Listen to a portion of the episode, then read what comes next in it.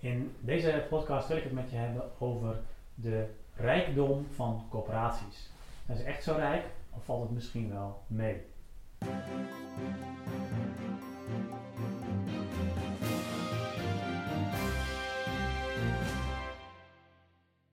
Nou, er wordt dus gezegd dat uh, corporaties heel rijk zijn. Er worden ook allerlei kwalificaties uh, aangehangen.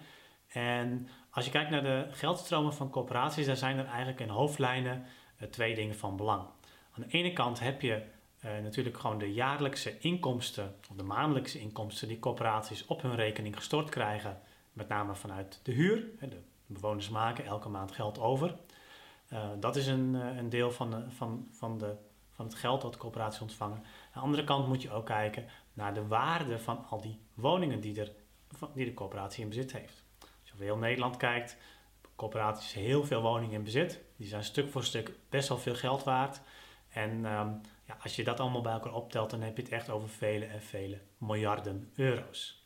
Je kunt eigenlijk de situatie van corporaties een beetje vergelijken met iemand die de loterij heeft gewonnen en daarna minder of helemaal stopt met werken. Ehm, je bent heel rijk, dat is natuurlijk zo. Je hebt heel veel geld op de bank. Alleen omdat je natuurlijk veel geld uitgeeft en er minder geld binnenkomt, ga je er elke maand wel stukje bij beetje een beetje op achteruit. En zo werkt het ook in de corporatiesector op dit moment. Ehm, als we kijken naar het aantal woningen wat corporaties in bezit hadden in het jaar 2000, was dat 36% van de hele woningvoorraad. In 2015 was dat minder dan 30%. Als we zo doorgaan, dan zijn er voor het jaar 2100 zijn er geen coöperatiewoningen meer in Nederland. Nou, dat duurt natuurlijk nog wel even, maar ondertussen is het wel zo dat elk jaar er minder coöperatiewoningen zijn als we op de manier doorgaan zoals we dat nu doen. Nou, hoe zit dat dan precies? Um, ja, het is toch een beetje alsof je die, die loterij dus gewonnen hebt. Uh, de coöperaties hebben in feite ook de loterij gewonnen, omdat ze ooit uh, bij de brutering dat woningbezit hebben meegekregen. Alleen sindsdien leven ze wel van dat spaargeld en um, ja, hebben ze eigenlijk onvoldoende inkomsten om, uh, om, uh, om blijvend op niveau voldoende woningaanbod te kunnen bieden.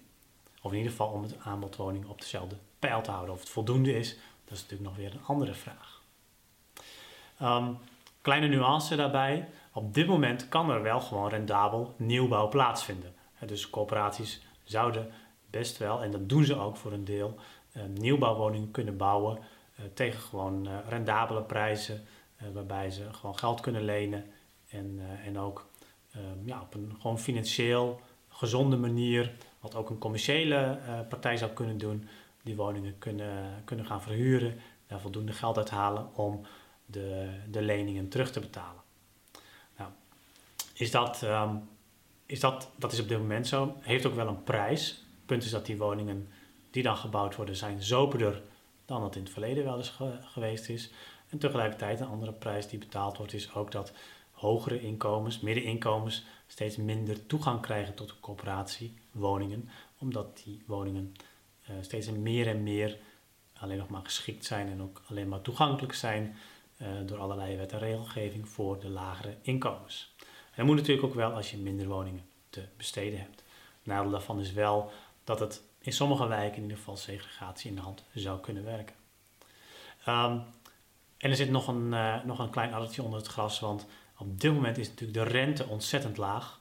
De autoriteit woningcorporaties uh, noemt dat wat eufemistisch ook wel de nieuwe economie, omdat economen er op dit moment van uitgaan dat die lage rentestand ook wel langere tijd zo zal blijven voortduren. Maar toch is dat een risico, want wat gebeurt er op het moment dat je als coöperatiesector nu massaal zou gaan lenen om, om te investeren en er over 10 of misschien ook over 20 of misschien wel over 30 jaar de leningen weer geherfinancierd moeten worden tegen een veel hoger rentepercentage. Dan zul je zien dat je dan op dat moment natuurlijk een enorm probleem krijgt in de daling van het aantal woningen, aantal coöperatiewoningen nog sneller zal gaan. Dus dat is een, eh, een kleine nuance bij, uh, bij het feit dat er nu misschien wel rendabel gebouwd kan worden. Of nou, dat is niet misschien, er kan nu rendabel gebouwd worden. Al met al kunnen we concluderen, zijn coöperaties rijk? Ja. Um, blijft dat zo? Dat is zeer de vraag. Want die rijkdom uh, die er is, die neemt wel elke maand, elke dag een beetje af. Bedankt voor het luisteren naar deze podcast.